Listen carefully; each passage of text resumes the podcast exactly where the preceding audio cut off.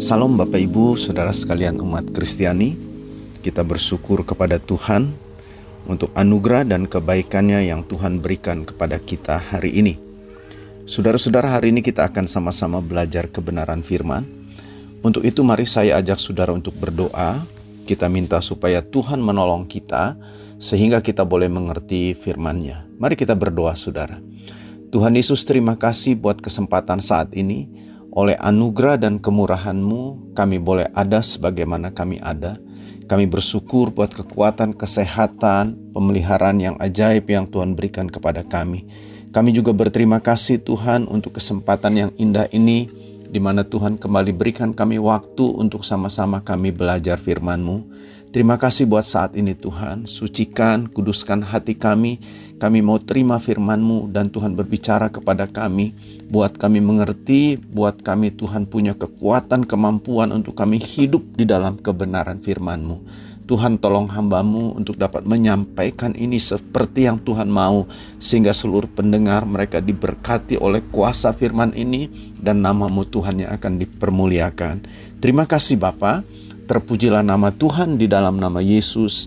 Haleluya, haleluya. Amin. Bapak Ibu, Saudara sekalian umat Kristiani, keluarga besar dari Radio Suara Gracia. Pada sore hari ini kita akan sama-sama belajar firman. Saudara saya akan berbicara tentang hidup yang menjadi berkat. Surat dalam suratnya dalam dalam suratnya Petrus Saudara, satu Petrus pasal yang kedua Ayat yang ke-12, dia memberikan sebuah nasihat yang perlu kita perhatikan. Bunyinya seperti ini, 1 Petrus 2 ayat 12 dikatakan, Milikilah cara hidup yang baik di tengah-tengah bangsa-bangsa yang bukan Yahudi. Saya ulangi saudara, milikilah cara hidup yang baik di tengah-tengah bangsa-bangsa bukan Yahudi. Supaya apabila mereka memfitnah kamu sebagai orang durjana, mereka dapat melihatnya dari perbuatan-perbuatanmu yang baik dan memuliakan Allah pada hari ia melawat mereka. Bapak Ibu Saudara sekalian dikasih Tuhan, melalui ayat ini Petrus coba mengingatkan kepada kita sekalian supaya kehidupan kita ini benar-benar menampilkan satu kehidupan yang baik. Saudara-saudara, kita tidak boleh lupa ya bahwa Tuhan Yesus pernah menyebut saudara bahwa kita ini adalah garam dan terang dunia. Saya kira kita tahu itu semua. Alkitab jelas Yesus berkata kamu adalah garam, kamu adalah terang dunia. Secara sederhana, saudara, kita dapat artikan kalimat itu atau ayat itu bahwa hidup kita ini harus menjadi berkat bagi dunia, seperti garam, seperti terang, memberikan rasa, memberikan cahaya terang yang membuat orang lain bisa berjalan dengan baik. Nah, Bapak Ibu Saudara sekalian, pernah nggak kita berpikir bahwa hidup kita ini benar-benar memiliki pengaruh atau menentukan arah hidup dari orang lain. Wah, sepertinya kalau kita dengar kalimat ini, apa iya hidup saya ini menentukan atau berpengaruh memberikan arah kepada orang lain? Banyak orang kadangkala saudara tidak menyadari itu, mereka pikir ah ya hidup saya hidup saya, ya hidup mereka hidup mereka. Tapi jangan lupa saudara, ayat ini memberikan satu pemahaman kepada kita yang demikian.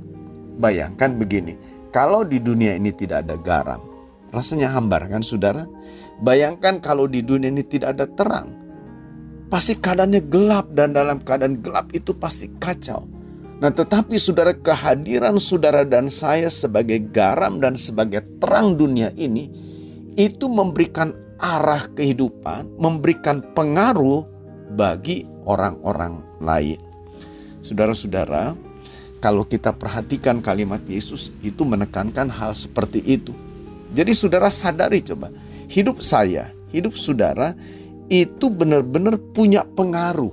Bahkan bisa saudara mengarahkan, menentukan hidup orang lain. Saya membaca sebuah artikel, saudara. Ditulis di sana ada seorang yang bernama Joy David Mann Saudara ini seorang wanita seorang penyair Amerika, saudara, yang sering kali disebut sebagai anak ajaib. Ya, memang dia hidup saudara dari dia lahir tahun 1915 gitu, meninggal pada tahun 1960. Cukup dikenal namanya apalagi pada masanya dan banyak tulisan-tulisan dia sampai sekarang sudah bisa kita baca. Saudara-saudara dia mengatakan begini. Satu orang munafik yang sok suci itu menghasilkan 100 orang yang tidak percaya. Saudara coba, ini kalimat menurut saya satu kalimat yang cukup tajam memberikan peringatan kepada setiap kita. Dia berkata katanya satu orang munafik yang sok suci. Saudara ngerti ya, orang munafik hidupnya saudara tapi sok suci gitu. Itu dibilang saudara bisa menghasilkan 100 orang yang tidak percaya. Mengerikan saudara ya, kok bisa begitu? Dari sini kita bisa mengerti, kita bisa lihat kehidupan kita ini sangat berpengaruh. Kalau hidup kita ini munafik, kalau kita tidak hidup di dalam kesucian, hanya pura-pura suci, saudara-saudara, yang akan kita pengaruhi, yang akan kita tularkan, justru adalah pribadi-pribadi yang buruk yang memunculkan orang-orang yang jadi tidak percaya. Saudara, sebagai orang yang percaya, terlebih lagi kalau andai kata saat ini nih kita apa ya orang yang aktif di gereja, aktif dalam pelayanan, begitu saudara. Saudara perlu sadar, kita mungkin punya kemampuan, kita punya kehebatan, kita punya kelebihan, keistimewaan. Wah itu luar biasa saudara. Memang dibutuhkan hal itu ya. Tetapi jangan lupa saudara, yang membuat hidup kita berpengaruh bukan soal masalah kemampuan itu, bukan masalah skill saja. Saudara, kita bisa lihat ada banyak orang-orang hebat. Wah, saudara, banyak sekali orang yang mengaguminya, pengikutnya banyak. Karena mungkin dia punya kelebihan, dia bisa main musik, dia bisa nyanyi, begitu saudara.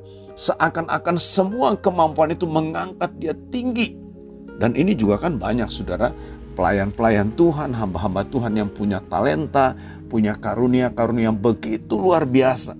Membuat namanya melambung tinggi, saudara. Dikenal banyak orang, disukai oleh banyak orang. Orang senang mendengar khotbahnya. Tapi tahukah saudara, ketika gitu, ketika orang tahu katakan kelakuannya, perbuatan-perbuatan hidupnya, karakter-karakter pribadinya, saudara-saudara tahu, ini membuat orang bisa jadi kecewa dan tidak sedikit orang yang akhirnya meninggalkan Tuhan jadi murtad. Jadi saudara-saudara, dari sini kita benar-benar perlu mengerti apa yang Tuhan mau dalam hidup kita. Bagi Tuhan tidak susah untuk melengkapi kita dengan kemampuan-kemampuan istimewa bagi Tuhan tidak susah untuk mengangkat kita, pelayanan kita, kehidupan kita ke tempat, ke level yang lebih tinggi. Tapi saudara-saudara, tentu harus ditunjang, harus dibarangi dengan satu kehidupan yang benar-benar sesuai dengan kemampuan kita itu, dengan skill kita itu, dengan kehidupan kita sebagai orang-orang percaya. Jadi begini saudara, jangan kita punya kehebatan mungkin dalam bidang rohani, saudara bisa khotbah bagus, memimpin pujian bagus, mainkan alat musik, wah luar biasa suaranya enak begitu, orangnya supel gitu. Orang banyak senang benar saudara.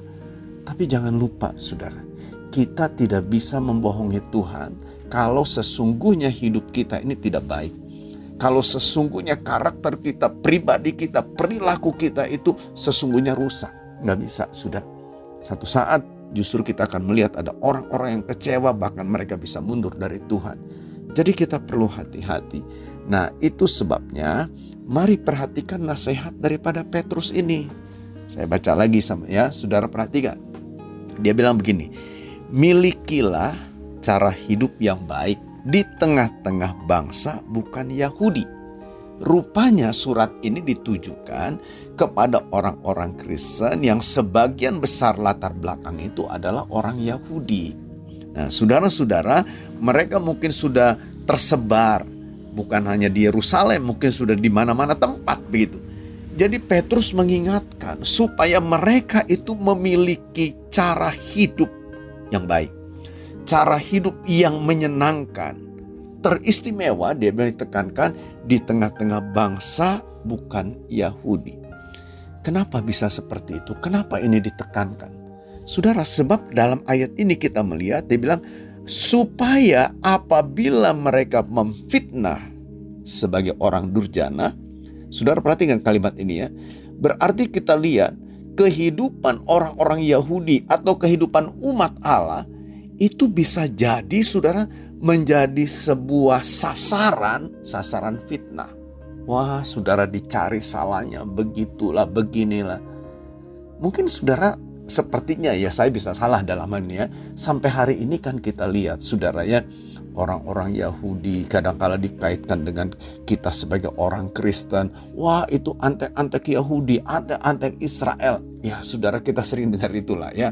Saya tidak mau terlalu ke arah sana. Tapi kita ngerti. Artinya begini sudah. Hidup kita sebagai orang-orang percaya, sebagai umat Allah ini ini mendapatkan perhatian, mendapatkan sorotan lebih, saudara, dari dunia ini. Saudara-saudara, seolah-olah begini, dia amati kita, dia lihat kita, nanti saudara bisa muncul tuh fitnah. Wah, omongan macam-macam saudara. Orang Kristen itu begini dan begitu. Itu dia lakukan itu semua untuk kristenisasi. Macam-macam kan saudara. Saudara-saudara, itu bisa terjadi itu saudara bisa nyata terjadi kita alami di dalam kehidupan kita. Itu sebabnya saudara Petrus ingatkan sungguh-sungguh di sini supaya kita ini benar-benar berhati-hati. Saudara-saudara coba pikirkan ya. Saya berpikir begini, seandainya seandainya saja dunia ini melihat kualitas hidup yang luar biasa dari setiap kita seperti yang dikatakan dalam ayat ini, saya yakin saudara, kehidupan yang baik itu, kehidupan yang menarik, kehidupan yang menawan itu, itu akan banyak membuat orang percaya kepada Tuhan. Saya bisa buktikan sama saudara dalam dalam Alkitab, kitab kisah para rasul menjelaskan mereka disukai oleh banyak orang. Siapa mereka ini? Mereka ini adalah orang-orang yang percaya, murid-murid Yesus, umat Allah. Karena kehidupannya begitu menarik, kehidupannya begitu luar biasa, begitu menawan, membuat orang jadi percaya kepada Tuhan. Saudara saya ingat waktu saya sekolah di apa di Bandung, saudara di Cimahi sana, saya ingat tuh salah satu dosen saya bilang begini, orang Amerika. Mungkin saudara dia sudah meninggal barangkali waktu itu pun sudah cukup sepuh gitu, sudah cukup tua. Dia bilang begini, seandainya saja kata orang-orang Kristen di Indonesia ini hidup sebagaimana harusnya seperti yang Alkitab katakan. Tidak tidak sulit untuk memenangkan orang bagi Kristus. Seandainya saja orang Kristen di dunia ini kata hidup di dalam kekudusan, hidup seperti yang Tuhan ajarkan. Tidak perlu waktu lama untuk menjadikan dunia ini menjadi percaya kepada Yesus Saudara kata-kata itu begitu dalam. Berarti hidup saya ini menentukan. Kalau ada orang-orang di sekitar saya yang rusak hidupnya, menjadi tidak percaya bahkan memusuhi Yesus. Secara apa namanya, sadar saya juga harus periksa diri saya. Mungkin bisa jadi mereka lihat hidup saya yang tidak benar, sikap saya, karakter saya, tingkah laku saya yang tidak benar. Bisa jadi, saudara mereka bisa bilang, oh itu Pak Ferry itu pendeta. Tapi kok seperti itu ya perkataannya, seperti itu sikapnya, seperti itu kelakuannya. Bisa jadi saudara. Jadi Bapak Ibu saudara sekalian, mari kita perhatikan ini. Seorang teolog saudara yang cukup dikenal yang bernama C.S. Lewis.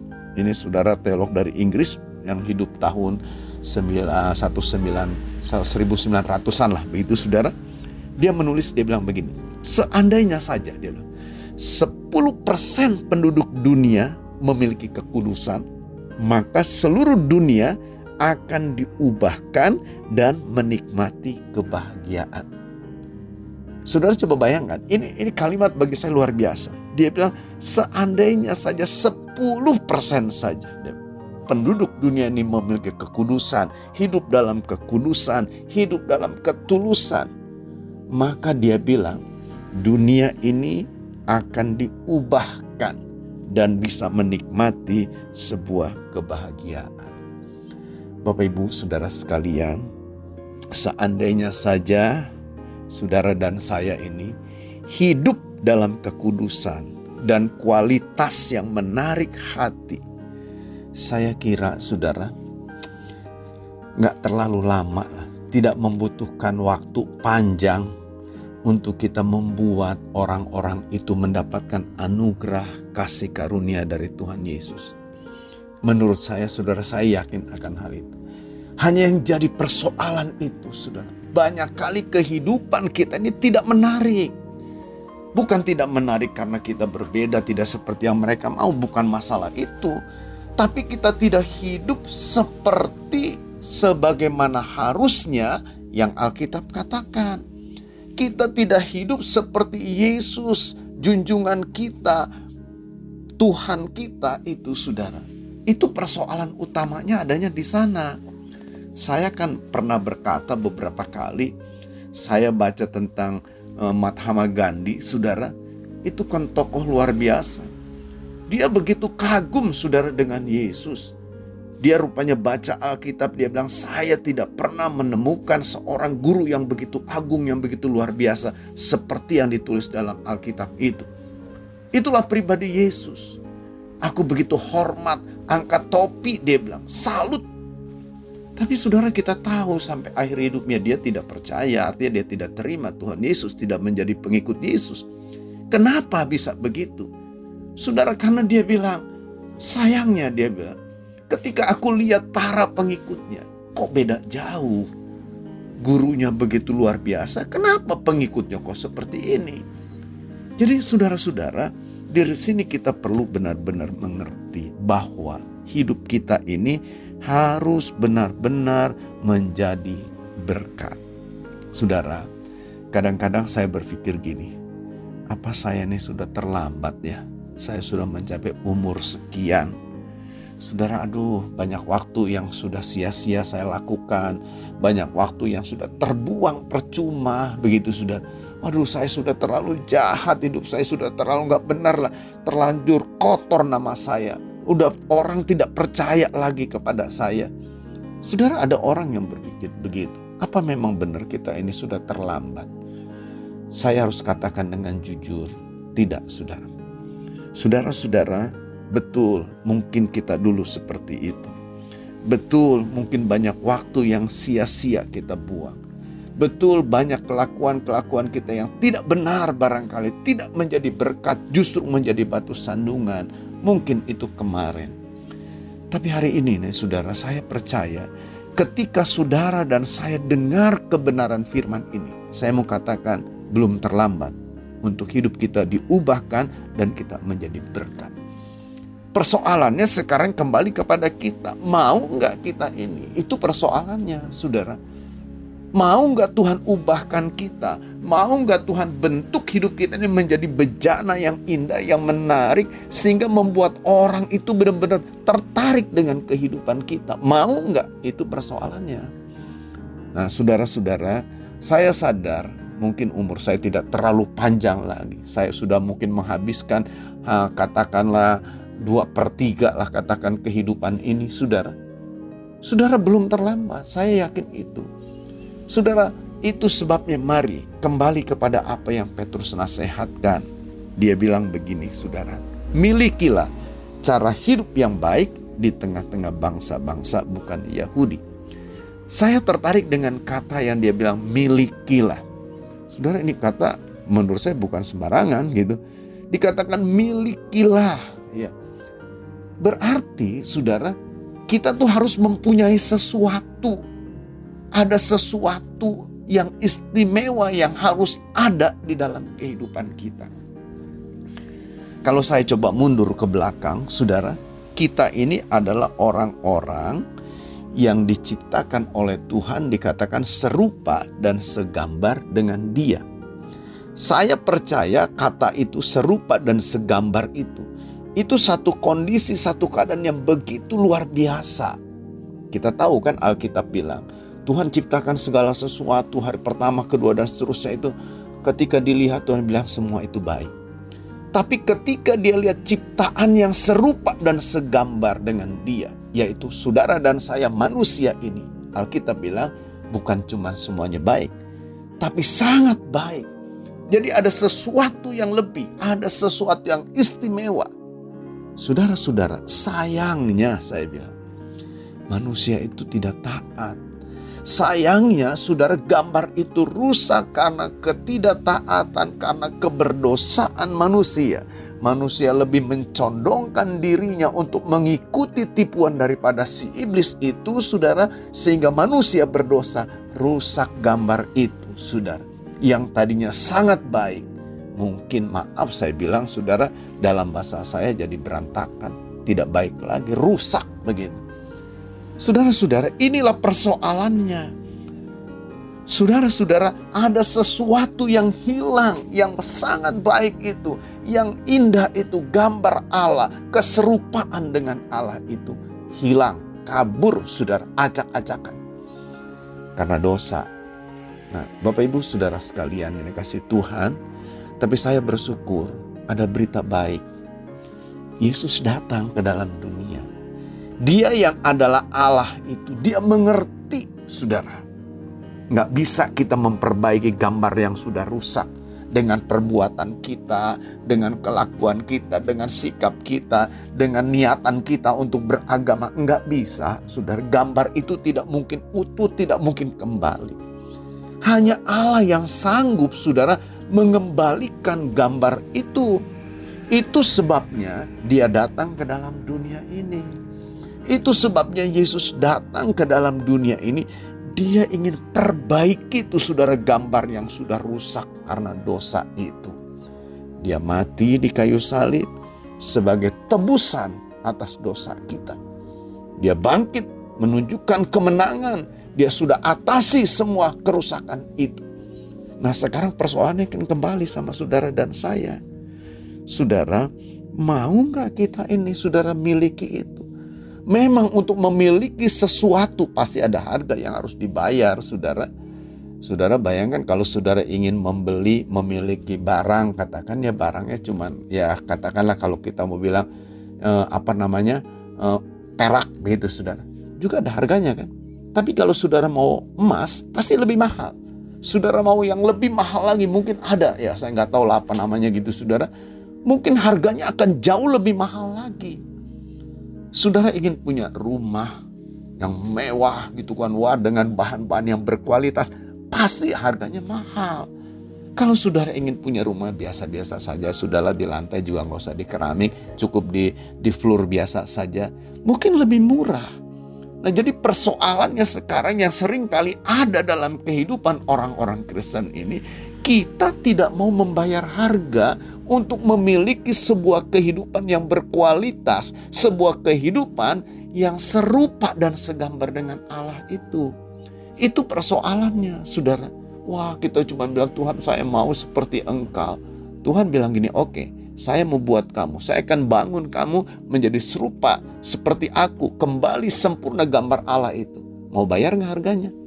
Saudara-saudara, kita nggak bisa bilang, oh Tuhan itu saya nggak bisa bayar, Tuhan aja yang bayar persoalannya, saudara, masalah dosa sudah diatasi. Tapi pembentukan kepribadian kita ini perlu ada kerjasama antara Tuhan dengan kita. Sekali lagi saya mau katakan ini, bahwa pembentukan pribadi kita, pembentukan karakter kita, kehidupan kita dari yang tidak menarik menjadi menarik, ini perlu kerjasama antara kita dengan Tuhan. Saudara nggak bisa bilang, oh saya rusak begini karena Tuhan nggak mampu mengubah saya. Oh bukan begitu. Masalahnya saudara kita ini kan bukan robot. Kita bukan benda mati. Tuhan kasih kita kehendak. Tuhan kasih kebebasan untuk kita memilih begitu saudara. Nah kalau kita mau memilih, kita mau bayar harganya itu. Saya percaya hidup kita ini bisa menjadi baik. Hidup kita ini bisa menjadi berkat, bisa punya pengaruh yang luar biasa. Bapak Ibu, saudara sekalian, Tuhan Yesus bilang sama murid-muridnya begini, kamu itu sudah bersih. Artinya hidupnya itu sudah dibersihkan tuh dari kotoran-kotoran dengan firman. Bagaimana firman bisa membersihkan hidup kita? Saudara-saudara bisa. Kita baca, kita dengar firman itu, kita lakukan firman itu, pegang, lakukan hidup sesuai dengan firman. Nanti kita akan heran deh saudara. Saudara tanggal berapa? Oh 12 kemarin.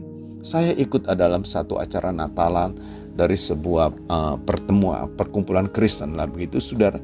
Ada seorang yang bersaksi seorang bapak Saudara-saudara memang saya tidak tahu waktu dia masa remajanya, masa mudanya itu karena usianya juga lebih lebih tua dari saya lebih. Tapi paling tidak saya dengar, saya tahu, saya kenal dia sudah cukup lama. Memang orangnya nggak benar begitu. Tapi kali itu tuh saudara dia bisa bicara di atas, dia bersaksi dan apa yang dia katakan dibenarkan oleh istrinya dan oleh teman-teman dekatnya itu. Berubah hidupnya dari satu pribadi yang rusak, dari satu pribadi yang tidak menyenangkan, menjadi satu pribadi yang indah, menjadi berkat bagi banyak orang. Kenapa bisa seperti itu? Dia mau diubahkan. Persoalannya sekarang sekali lagi sampai bilang, mau nggak saudara memiliki kehidupan yang baik? Mau nggak saudara memiliki kehidupan yang menarik? Mau nggak saudara memiliki satu kehidupan yang benar-benar menjadi berkat bagi banyak orang? Bayar harganya, saudara. Yang kedua, saudara perhatikan apa kata Petrus di sini. Dia bukan hanya bicara tentang milikilah, tapi dia bilang begini. Katakan saudara, meskipun waktu itu, oh sorry, ini terjemahan sebentar, saya baca dikatakan, milikilah cara hidup yang baik di tengah-tengah bangsa-bangsa bukan Yahudi. Supaya apabila mereka memfitnah kamu sebagai orang durjana, perhatikan kalimat ini ya, mereka dapat melihatnya dapat melihatnya dari perbuatan-perbuatanmu yang baik. Saudara lihat. Jadi saudara-saudara, mari perlihatkan. Sekali lagi saya mau bilang, perlihatkanlah kepada dunia ini kehidupan yang baik. Jadi saudara-saudara, jangan saudara berprinsip gini. Ada orang saya pernah dengar orang ngomong gini saya itu mungkin luarnya kelihatan buruk. Wah, kata-kata saya kasar, kata-kata saya kotor. Tapi sebetulnya dalam saya nih hati saya ini bersih. Baik saya ini orangnya gitu. Jadi mereka seakan-akan mau berkata, oh saudara yang saudara lihat cuma bagian luar saja, bungkusnya saja mungkin kurang baik lah. Tapi di dalamnya sebetulnya bagus saya ini.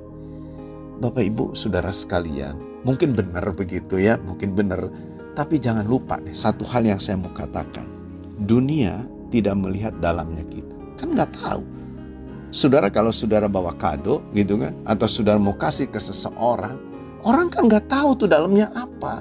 Apakah dalamnya barang yang berharga, punya nilai yang tinggi, atau barangkali cuma rendah. Tapi orang kan lebih tertarik, orang akan lebih terpengaruh pada apa yang dia lihat dengan matanya. Ini nggak boleh kita lupa, sudah nggak boleh kita abaikan. Hidup kita ini Alkitab bilang bagaikan suratan-suratan yang terbuka, yang dibaca oleh semua orang. Nah berarti saudara, mari sadari dunia ini tidak melihat dalamnya kita. Yang dia lihat adalah luarnya. Juga saya pikir memang sesuatu yang aneh andai kata saya berkata gini, saudara, di hati saya ini sebetulnya baik, penuh dengan hal-hal yang kudus, yang bersih gitu.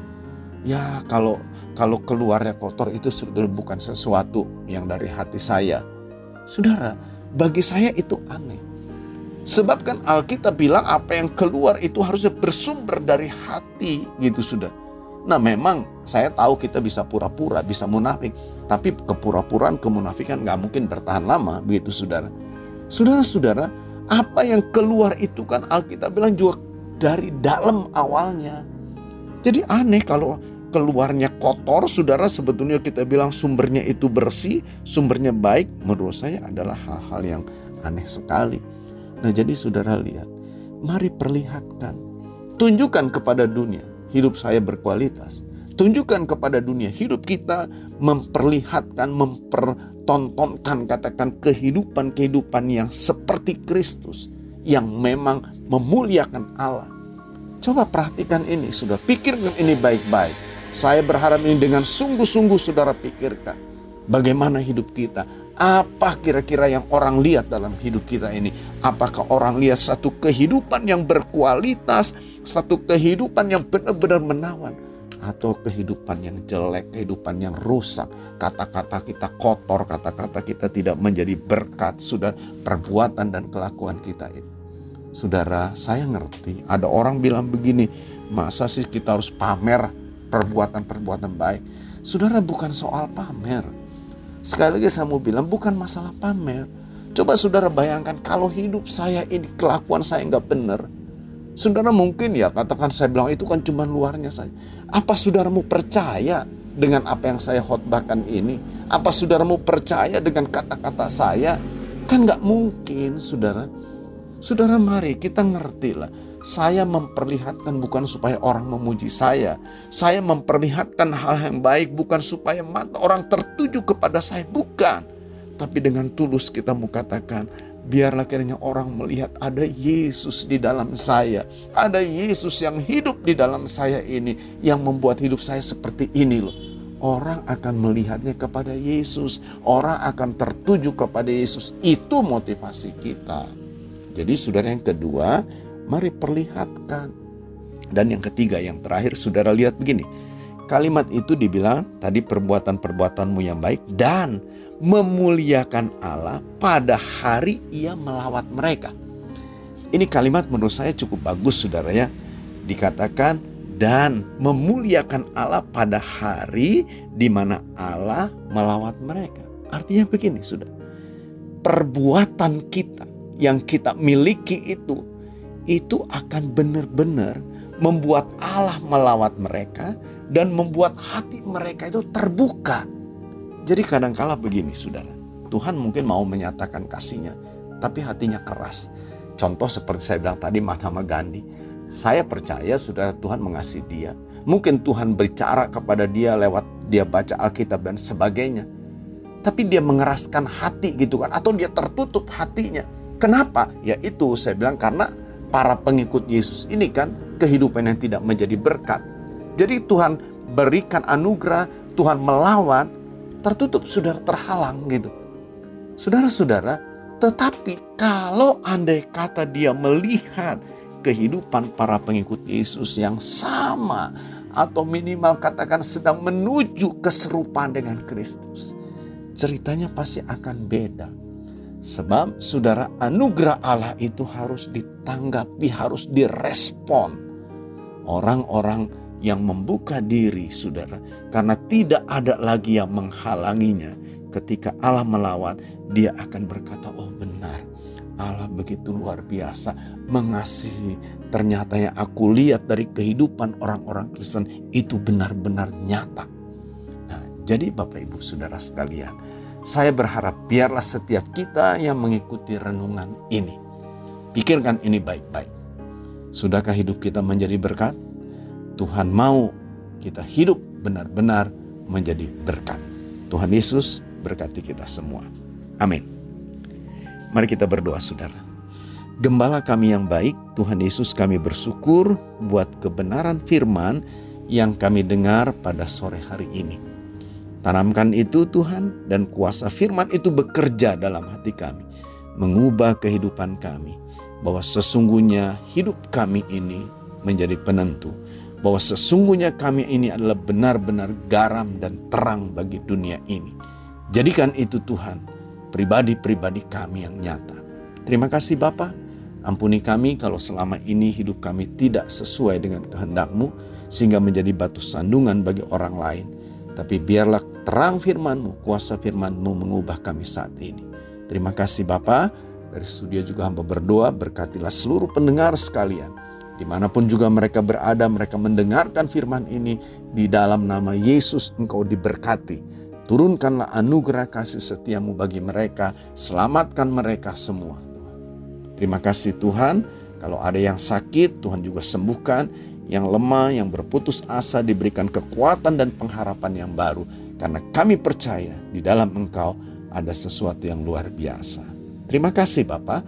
Sekali lagi kami bersyukur buat anugerahmu baik kami. Biarlah turunkanlah damai sejahtera kasih yang limpah dari Allah kami di dalam Kristus Yesus dan Roh Kudus senantiasa menyertai kami semua. Mulai saat ini sampai engkau datang yang kedua kali di dalam nama Yesus. Haleluya, haleluya, amin, amin.